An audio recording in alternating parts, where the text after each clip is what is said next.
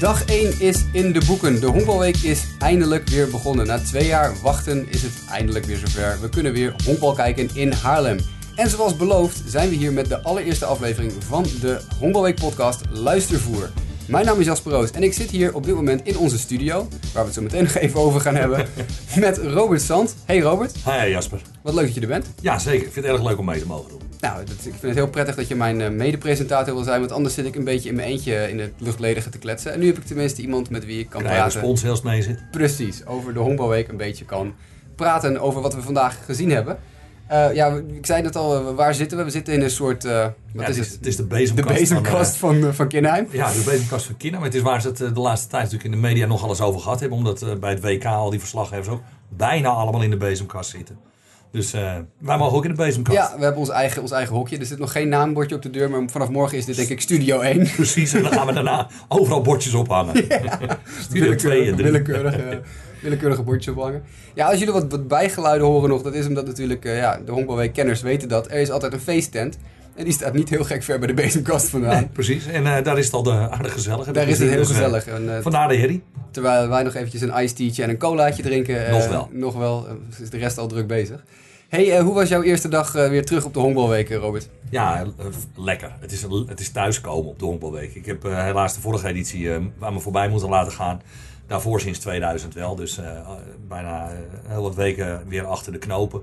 En ja, er echt naar uitgekeken hier weer te kunnen zijn. En dan kom je binnen smiddags, vanmorgen nog even werken en dan kom je hier binnen. En ja, het is net alsof je familie tegenkomt na lange tijd. en dan de leuke familie, zeg maar. Ja, ja, dus, ja nee, dat is echt goed. Ja, lekker. ja, ik merkte het ook meteen. Ik kom het terrein oplopen en je ziet meteen inderdaad de mensen die je eigenlijk altijd maar één keer in de twee jaar ziet.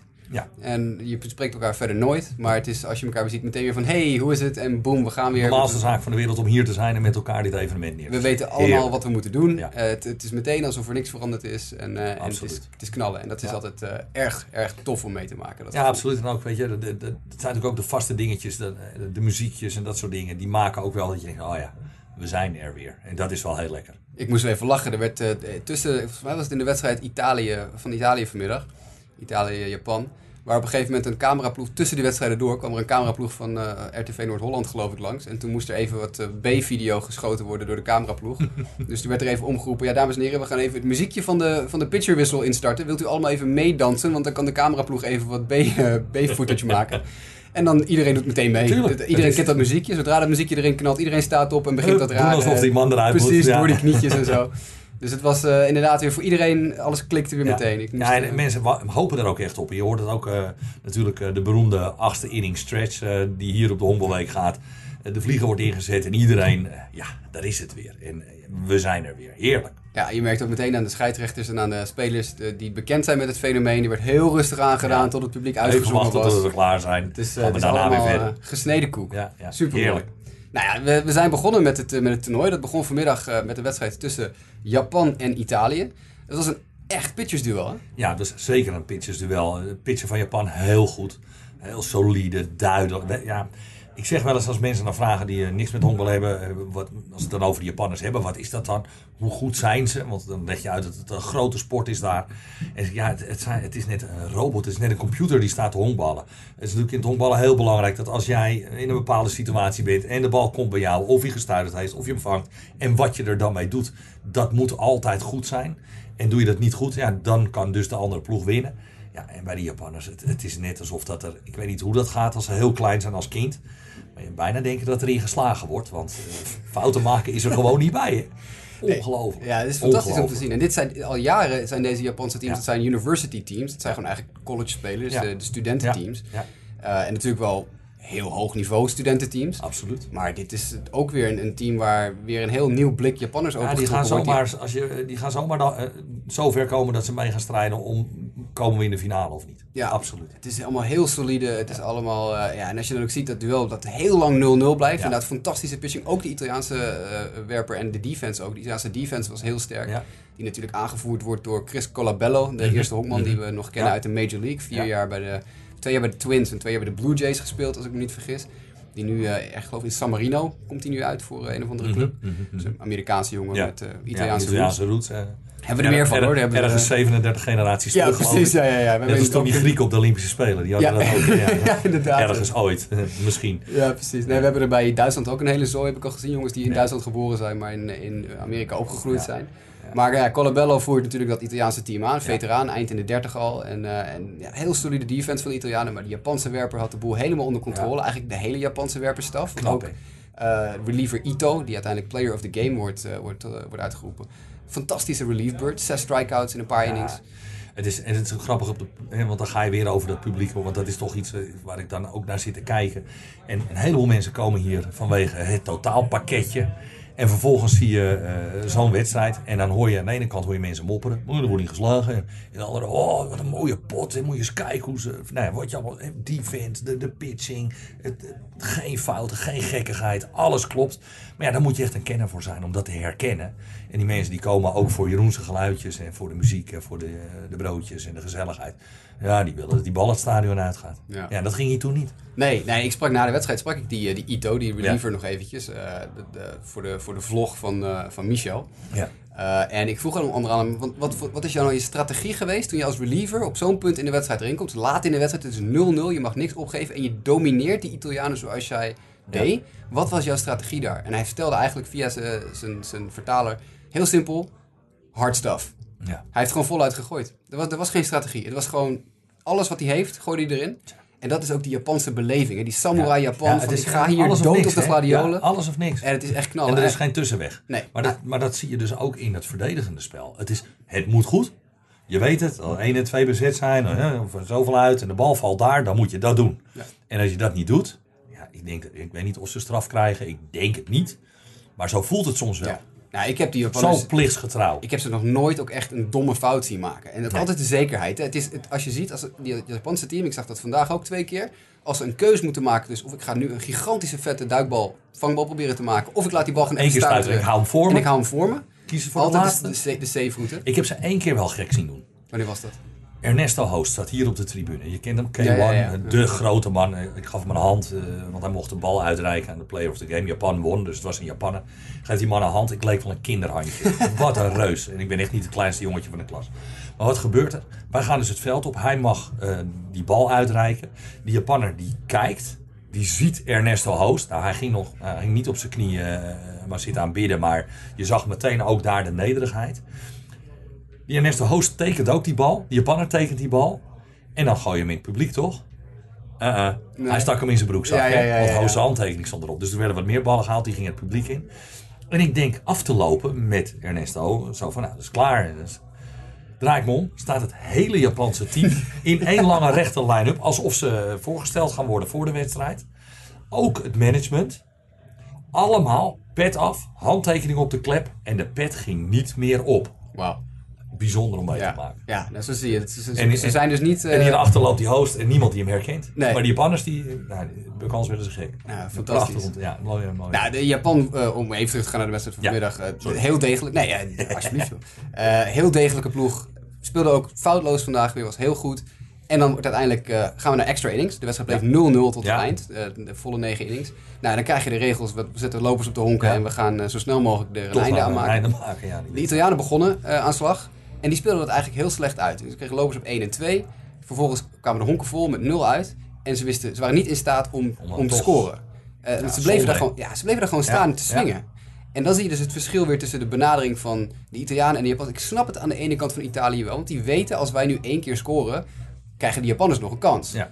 En die gaan dus proberen met een honkslag misschien twee of drie runs te scoren. En zo wat een groter gat te maken met die Japanners. Maar dat lukt niet. Blijft 0-0. Nou, dan ga je naar de tweede helft van de tiende inning. Eh de Japanners hetzelfde verhaal. Dan lopen ze op 1 en 2. Ja. Krijgen ook de honken vol. Schu eh, schuiven ook een loper door. En dan komt daar de, ja, de, de absolute meest Japanse manier van een wedstrijd winnen. Namelijk een walk-off suicide squeeze. Ja. De slagman legt een perfecte stootslag neer. Ja, en dat is toch ook mooi om te zien. Ik bedoel, natuurlijk als, als eh, de niet-echte honkbalkenners... die willen die bal het stadion uit zien gaan. Maar dan mag je toch hopen dat ze hier ook herkennen... hoe mooi en hoe knap en hoe moeilijk het is om zo'n bal neer te leggen. Ja. Want ja, ik, ik weet niet... Op dat moment, hè. En ook nog, ja, precies. Hè, En dan hebben we al die penalties in ons hoofd van het WK Ja. van de afgelopen week. Maar dat, goed, de druk zal iets kleiner zijn, dat wel. Maar dan toch zo'n bal neerleggen. Ja. Meesterlijk. Ja, Meesterlijk. En heerlijk om te echt, zien. Ja, een perfecte stootslag. Precies langs de lijn. Er was ook geen kans voor de Italianen. Ze wisten dat het zou kunnen komen. Ze hadden geen kans. Japan neemt de overwinning mee naar huis. 1-0. Op dat moment eh, natuurlijk bovenaan in de competitie. Mhm. Want het enige team met, eh, met Italië dat een wedstrijd gespeeld heeft. Eh, maar ja, dan gaat er even een paar uur gaan we op, op pauze. Dat geeft ons allemaal de kans hier bij de organisatie en met de staf om, eh, om ons voor te bereiden op het duel van de avond. Nederland-Duitsland. Natuurlijk eh, sowieso al. Sowieso al. En Ja. Alleen op papier is het al genoeg wedstrijd, toch? Zo, zoals Ruud Gullit zou zeggen, on paper a cracker. Eh, maar eh, nou, dat, dat duel dat, eh, dat begint om, om 7 uur. Werd vooraf gegaan, vond ik heel opvallend. eh, voor, Dat vond ik een mooi moment. ja, vond ik Vond ook ik een mooi moment. Frits Mulder, de, de, de vorige voorzitter, zeg maar. Want hij heeft het stokje langer geleden al eigenlijk hè, officieel overgedragen aan Guus van D. De voorzitter van, van deze 29e editie. Maar Frits Mulder heeft vanaf 2002 als voorzitter het toernooi gerund. Ehm, met heel veel succes, heel veel mooie toernooien. Eh, het toernooi ook nog door een hele moeilijke periode heen geloodst voor een groot deel. En eh, een hele moeilijke beslissing moeten nemen uiteindelijk. En gedacht, eh, dit gaat niet meer. Nou, ik denk dat heel honkbalminnend Nederland eh, blij is dat het nog wel zo is. Maar ja, zo iemand verdient het wel. Om, dat, die verdient het wel om dan wel in, de in het zonnetje gezet te worden. En ik weet dat bij de aller, allereerste bijeenkomst van de groep mensen die uiteindelijk eh, de opstart weer mogelijk gemaakt hebben, en dan bedoel ik niet financieel, maar vooral organisatorisch, Ja, ja. dat bij die allereerste bijeenkomst al gesproken is over wat hier vanavond gebeurd is. Namelijk dat hij de eerste bal moest gooien. Ja. En eh, ja, dat vind ik, eh nou, dat blijkt respect. Ja. Respect voor iemand die heel veel gedaan heeft voor, voor de, de honkbalweek. Hij werd ook verrast, want er, er werd ook nog een, ja, een soort Lifetime Achievement Award Ja. aan hem uitgedeeld. Vanuit de, de Nederlandse Honkbalbond. Ja, maar Frits eh, was daar de man die ging over het topsportbeleid. En eh, ook nog eens in een periode waarin Nederland eh, natuurlijk allerlei eh echt Ja, eh, goede resultaten topprestaties heeft neergezet. eh, als het dan toch over top, eh, topsportbeleid gaat. Dus ja, daar, eh, daar heeft hij hem ook nog een eh, mooie, mooie award voor gekregen. En met de 25 Hombelweek kreeg hij ook nog eens de penning van verdiensten van de stad Haarlem. Die was dan aan Frits voor alle medewerkers. ja, ja. Dat was wel voor iedereen. Dus ja, ik denk dat dat wel aardig eh, rijtjes op de schoorsteen zou kunnen Ja, zeggen. nou, hij gooide ook een eh, vrij aardige bal. Hij koos er ook echt voor om op de pitcherplaat te gaan staan. Niet Ja. van het halflaffe gedoe, Nee. nee, hoor. Eh, gewoon er vol voor gaan. Ja. En toen dachten we, nou, dan gaan we bijna beginnen, maar nee. Want toen hadden we nog een soort voorprogramma. Want sopraanzangeres Belinda Vermeer, die kwam het veld oplopen en die zong allebei de volksliederen, zowel Nederland als Duitsland. En ik moet toch zeggen, dit is een van de meest indrukwekkende volksliedmomenten die ik meegemaakt heb in mijn, ik kom hier toch ook al een paar decennia. Ja. Nee, absoluut. Ja, want ik kan me nog eentje herinneren ooit voor Amerika. Die was iets minder, eh Ja, die minder loopzuiver. Ja, die die was iets minder, nog. dus, minder, eh, minder mooi. Nee, het was, eh, en ook daar weer eh, zie je, het publiek eh, was ook onder de indruk. Ja. Er werd gevraagd om niet met z'n allen Wilhelmus uit volle borst mee te zingen, maar om echt te luisteren. Nou, daar werd al gehoor aan gegeven. Dat vind ik ook mooi. En eh, nou, het applaus was ook echt eh, rolde over de tribune. Ja. Dat, eh, dat is leuk. Ja, en zij heeft gezegd dat ze bereid is om meer volksliederen te komen zingen. Dus eh, ik ga het morgen wel even bij het dagelijks bestuur neerleggen. Ja, ja, wij spraken haar even vlak voordat we de, de, de bezemkast ingingen, zeg Ja. maar. Toen, eh, toen kwam ze even langs om haar spulletjes op te Ja, ze halen. is niet gebleven, hè, voor de duidelijkheid. Nee, nee, ze is, ze, ze, is weer weggegaan. Maar ze heeft inderdaad eh, aangegeven dat ze meerdere volksliederen kan zingen. Eh, onder de, ze heeft ze allemaal al geleerd, voor zover mogelijk. Alleen Chinese Taipei was geloof ik een beetje te Ja, moeilijk. die was En- eh, in Japan. In Japan was zag ook wat ingewikkeld. gaan. Ja. ja, dus, eh, maar in ieder geval Italië, zei ze, heeft, ze- heeft ze al eh, Ja, ingestudeerd. Cuba. Cuba. weet ze. Dus eh, ja, we hebben mogelijkheden genoeg Ja. voor de finale. Laten We we, gaan het even voorleggen. Ja, lijkt me hartstikke leuk. Nou goed, dan gaan we naar die wedstrijd. Eh, Nederland-Duitsland. Ik moet zeggen, dit was wel een, een makkelijke overwinning voor Nederland dan Ja. ik had gedacht. Nederland Ja. wint met 6-0 uiteindelijk. We gaan hem zo meteen even langslopen nog. Maar ik had toch verwacht dat Duitsland iets meer tegenstand kon bieden. Ja, daar was op voorhand binnen de organisatie ook wel op gehoopt. En misschien eh, waren ze ook wel onder de indruk van de entourage, dat weet ik niet. Ehm, misschien kwam het door de snelle opening die er ontstond natuurlijk met die homeren meteen. Eh, dat ze daarvan onder de indruk waren, dat weet ik niet. Daar heb ik niet echt zoveel kennis voor om dat meteen te kunnen zien. Maar 6-0 is wel eh, heel overtuigend. Ja. Dat is wel heel duidelijk eh, een verschil. Ja, ik merkte, ik was bezig met de, de rosters van het Duitse team. En er kwamen vlak voor de wedstrijd nog heel veel rosterwijzigingen binnen. Ze hebben meerdere spelers die in eerste instantie doorgegeven waren als selectiespelers thuis moeten laten wegens blessures en andere zaken. Dus misschien is het team ook niet helemaal op supersterkte. Maar, dat gezegd hebbende, ik vond Nederland heel sterk beginnen. Nederland eh, was de uitspelende ploeg, opende de wedstrijd dus een slag. En de tweede slagman, Dwayne Kemp, Nou, die wachtte geloof ik twee pitches af. En Ja. toen legde hij hem eventjes een eh, paar meter over de hek. Flink over het hek. Het was niet, ja. niet net aan. Nee, Eh, dat, hij ging in, richting het linksveld. En nou, ik weet niet helemaal of hij het doel gehaald heeft op het hoofdveld van DSS. Maar het zal niet veel gescheeld hebben. Want het was echt een fikse klap. Ja, en, en weer voor het publiek. Ja, sorry dat ik daar steeds over begin, hoor, maar dat, waar het ook allemaal om draait natuurlijk uiteindelijk hier. Je doet het voor de mensen die komen kijken. Ja, is dat wel een heerlijke opener. En net iemand zei het ook nog na afloop tegen me, want er vallen natuurlijk nog veel meer punten. Eh, misschien de wedstrijd niet zo spannend, dat duidelijk. Maar het was wel leuk om te kijken. Het was heel vermakelijk. En dat is natuurlijk ook eh, waarvoor men komt. het, het- toen, ik, toen ik die wedstrijd, eh, toen het begon, moest ik een beetje grinniken om het feit dat ja, we hebben Dwayne Camp, die sloeg een home run tegen Matthew Camp, de Duitse werper. Eh, Matthew Camp hield het niet lang vol. Nee. Die, die herstelde zich wel een beetje na die home run van, eh, van Dwayne Camp.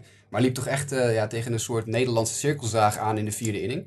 Verloor volledig zijn controle. Veel vrije lopen.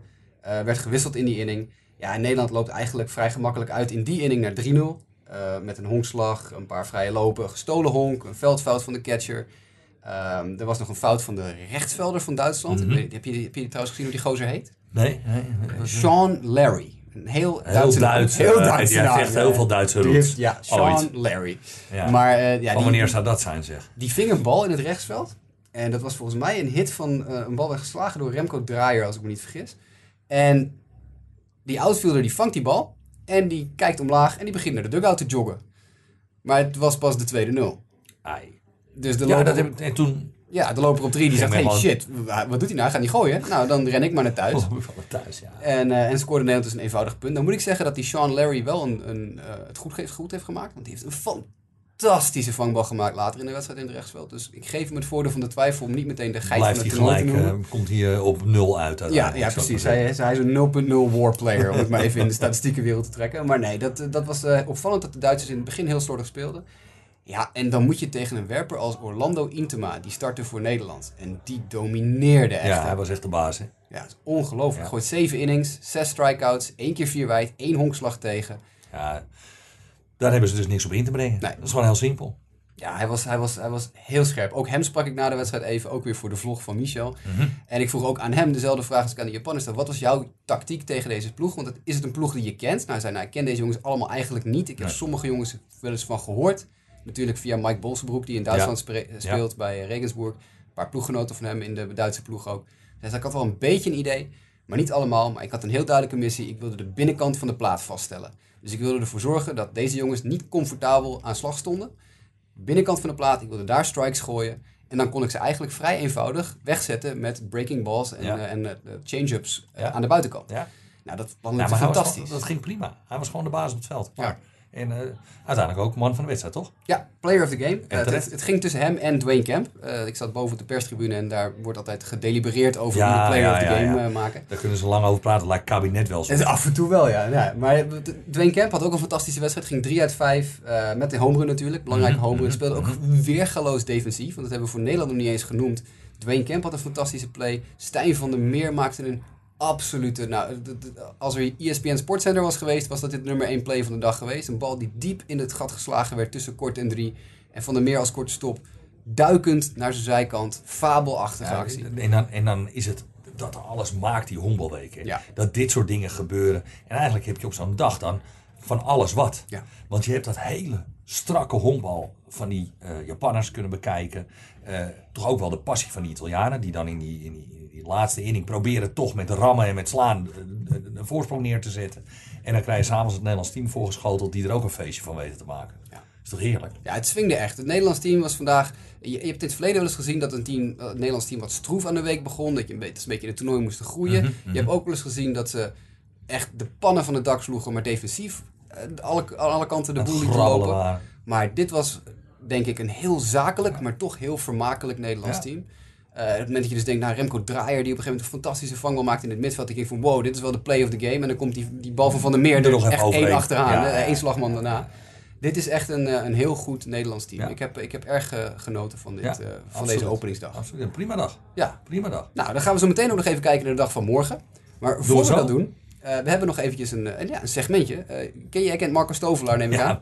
Wie kent in de honkbalwereld Marco Stovelaar nou niet? Marco Stovelaar nou niet. Ja. Hij noemt zichzelf ook altijd een beetje gekscherend de wandelende Ja, dat honkbal-encyclopedie. is, maar dat, dat, is niet gekscherend hoor. nee, dat, dat, is hij dat gewoon. is hij wel, hè? Ja, Ja, ja. Ik, ik mag hier een beetje de pers helpen, maar als er iets aan mij vragen, nou moet je even bij Marco wezen. ja Marco ik durf, weet ik alles. durf het niet te proberen. Ik, ga er, ik waag me er niet eens aan. Nee, ik, Marco weet alles. Ik werk samen met Marco natuurlijk voor het leesvoer Ja. heel nauw samen. Hij is de editor-in-chief en ik doe de eindredactie. En samen bouwen we dat boekje met, onze, met, met de schrijvers Ja. die, dat, eh, die meehelpen. En het is echt, de, de parate kennis die daarin zit, is ongelooflijk. Daarom leek het me leuk om voor deze podcast een eh, terugkerend segmentje op te bouwen. En dat eh, wordt de minuut van Marco. Marco krijgt namelijk ongeveer één minuut om ons bij te praten over de geschiedenis van het Nederlandse honkbal en de geschiedenis van de honkbalweek. Dus de minuut van Marco.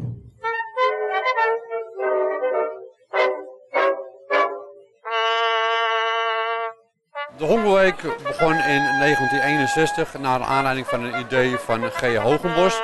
Die bedacht in 1960, dus een jaar eerder, dat het wel leuk zou zijn om in Haarlem een internationaal toernooi te organiseren. Dat naar aanleiding van het Europees kampioenschap dat in eh, 1960 maar uit vier ploegen bestond. Hogebos ging naar de gemeente van Haarlem. Haarlem was gelijk enthousiast en die stelde geld beschikbaar. En uiteindelijk zei Hogebos, waarom organiseren jullie het niet helemaal alleen? Dat gebeurde en zo is de Hongerweek geboren. Ja, zo hebben we weer wat geleerd van eh geweldig. Marco Stovelaar. Die, eh, die ons de hele week, als het goed is, gaat voorzien van dit Mooi, soort eh, legendarische weetjes. Eh, de wedstrijden van vandaag, vrijdag, we nemen dit op. De podcast komt zaterdagochtend online. Dus we hebben net de wedstrijden van Mhm. vrijdag doorgenomen. Maar zaterdag, voor ons morgen, maar voor de mensen die dit horen, vandaag. Staan er maar liefst drie wedstrijden op het programma. Ja. Want we hebben weer zes teams in het toernooi. Dat betekent dat we een vol weekendprogramma hebben. Eh, we beginnen morgen met Chinese Taipei tegen Japan. De Aziatische kraker. Ja, het is eh, altijd afwachten wat de Chinese Taipei meeneemt. In die zin, ook daar, eh, het Aziatische honkbal, geen gekkigheid, geen passie en vuur, maar nadenken, doen wat je hoort te doen. En dan dat zo goed mogelijk. Daarin zijn ze vaak net niet net zo goed als de Japanners. Als je kijkt naar de historie van die ploeg eh, op de week, ze zijn er bijna altijd bij, Ja. maar eh, geen finale plaats. Nog nooit. Nee. En, en nou ja, goed, het- het- we moeten het eerst maar zien voordat we nu voorspellingen gaan doen of ze er wel bij zullen zijn. Dat, eh, dat, daar waag ik me niet aan. Maar we wachten het af en we gaan het zien morgenochtend. En we gaan ook zien wat Japan weer neer gaat zetten. Of dat weer zo strak en, eh, en helder is. En eh, wat ik wel leuk vind is mijn debuut eh, boven als stadionspeaker hier. Ah, jij bent morgen aan de beurt bij, Bij, die- bij bij deze, de Aziatische kraker. Bij de Aziatische kraker. Ja, ik weet niet, ik hou wel van een Chinees hapje. Maar of dat nou meteen de reden was om me hierin te schuiven. Nee, het is gewoon de eerste keer en leuk, vind ik leuk. Het is Nou. niet de eerste keer bij een honk of een zonderwedstrijd, maar wel op. Nou. Dus ja, ik heb er zin in. Superleuk. We, we zullen je in de gaten houden. En, Ja, dat, niet te scherp hè. ik, ik, kom, ik kom bij in de buurt zitten. Dat, wordt- dat wordt leuk morgen. Ehm, de middagwedstrijd, dat is denk ik het duel waar iedereen voor naar het stadion komt. De, dag is uitverkocht, Uitverkocht morgen. morgen. En, Uitverkochte en- bak. Een wedstrijd die eh, in de jaren negentig vooral eh furoren was op de woensdagavond. De avond waarop de kraker Nederland-Italië of Italië-Nederland, zoals die morgen op het schema staat, aan de beurt was. En eh, dat was de avond die altijd uitverkocht was. Hoopte ook iedereen altijd op een beetje regen vanwege de sfeer die er dan weer is. Morgen staat hij op de zaterdagmiddag. En eh, ja, we zijn er trots op als organisatie dat hij terug is. Ja, ik ben heel blij ook dat Italië terug is. Ze zijn Ja. lang weg geweest. Hebben, Ja. Ik heb even nagevraagd, eh, hier en daar, misschien wel bij Marco Stovelaar. Dat eh, Zou zou, zomaar zou kunnen. zomaar kunnen.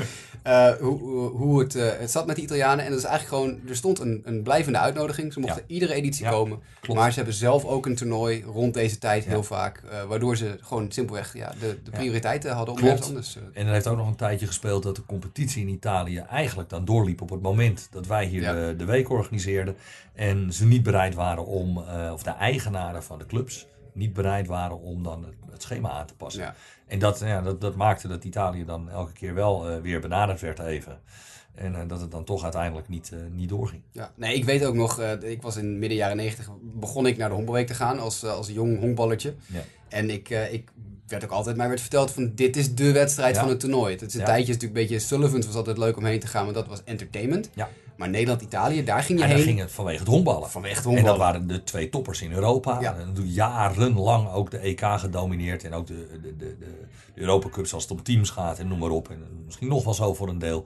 Maar dat was, ja, voor de landen was dat het. En het was ook zo dat buiten Europa hadden ze weer niet zoveel meer in, nog niet Nee. zoveel in te brengen. Dus ja, dat was de wedstrijd waar het spannend was, waar het erom ging.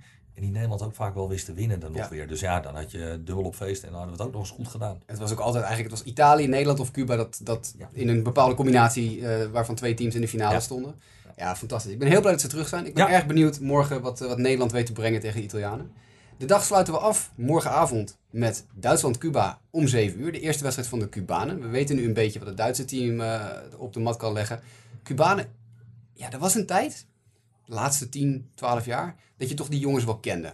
Er waren altijd wel vaak van die gasten Ja. die we kenden. De, de, de, Yuri, eh, de Gu- Yuli Gurriels, die nu Ja. bij de Houston Astros speelt. Uh, Julieski Gurriel, die jarenlang bij dat team heeft gezeten. Jose Abreu van de White Sox, die hier één ja. of twee keer geweest is. Eh, Ariel Pestano, die de legendarische catcher die tot zijn 45ste geloof ik in het eh, nationale team heeft gespeeld. Alfredo de Spanje. We kunnen al die bekende Cubanen op gaan noemen. Eh, en Er is toch, er ook een bij, die heette Santos. Die zijn shirt heb ik. Jij hebt shirt. Heet, heet je Robert Sant. En dat je Nou, dat, leuk, dat, is, dat is, hey, dat is Pas het shirt alleen niet. Maar dat geeft Maar dat. Je kan hem lekker ja, maar zijn er morgen je bij. En we, Cuba, eh, we weten natuurlijk, ze kunnen meerdere teams sturen, bij wijze van spreken. En het is altijd een beetje spannend. Wat gaan we meemaken? Ja. Wat gaan we zien? Ehm, vorige editie waren ze er niet bij. Nee. We hebben gezegd van, als organisatie van, eh, luister, in de jaren daarvoor eh, was het vaak tegenvallend. En dan de laatste twee wedstrijden wilden ze wel eh, hun best doen. Haalden ze de finale, eh, wonnen ze het toernooi ook nog een keertje tussendoor. Ja. Maar in de wedstrijden daarvoor lieten ze het afweten. Het was heel berekend om toch in de finale te komen. Nou, het is ook een ploeg waar gezien de financiële situatie het evenement een hoop kost aan heeft. Ja. Je wil ze er heel graag bij hebben, want ze horen er wel te zijn. Maar toen hebben ze een keertje bedankt. Ja. Wij hebben hun toen bedankt als organisatie. Ja. Dat vonden ze niet zo heel leuk.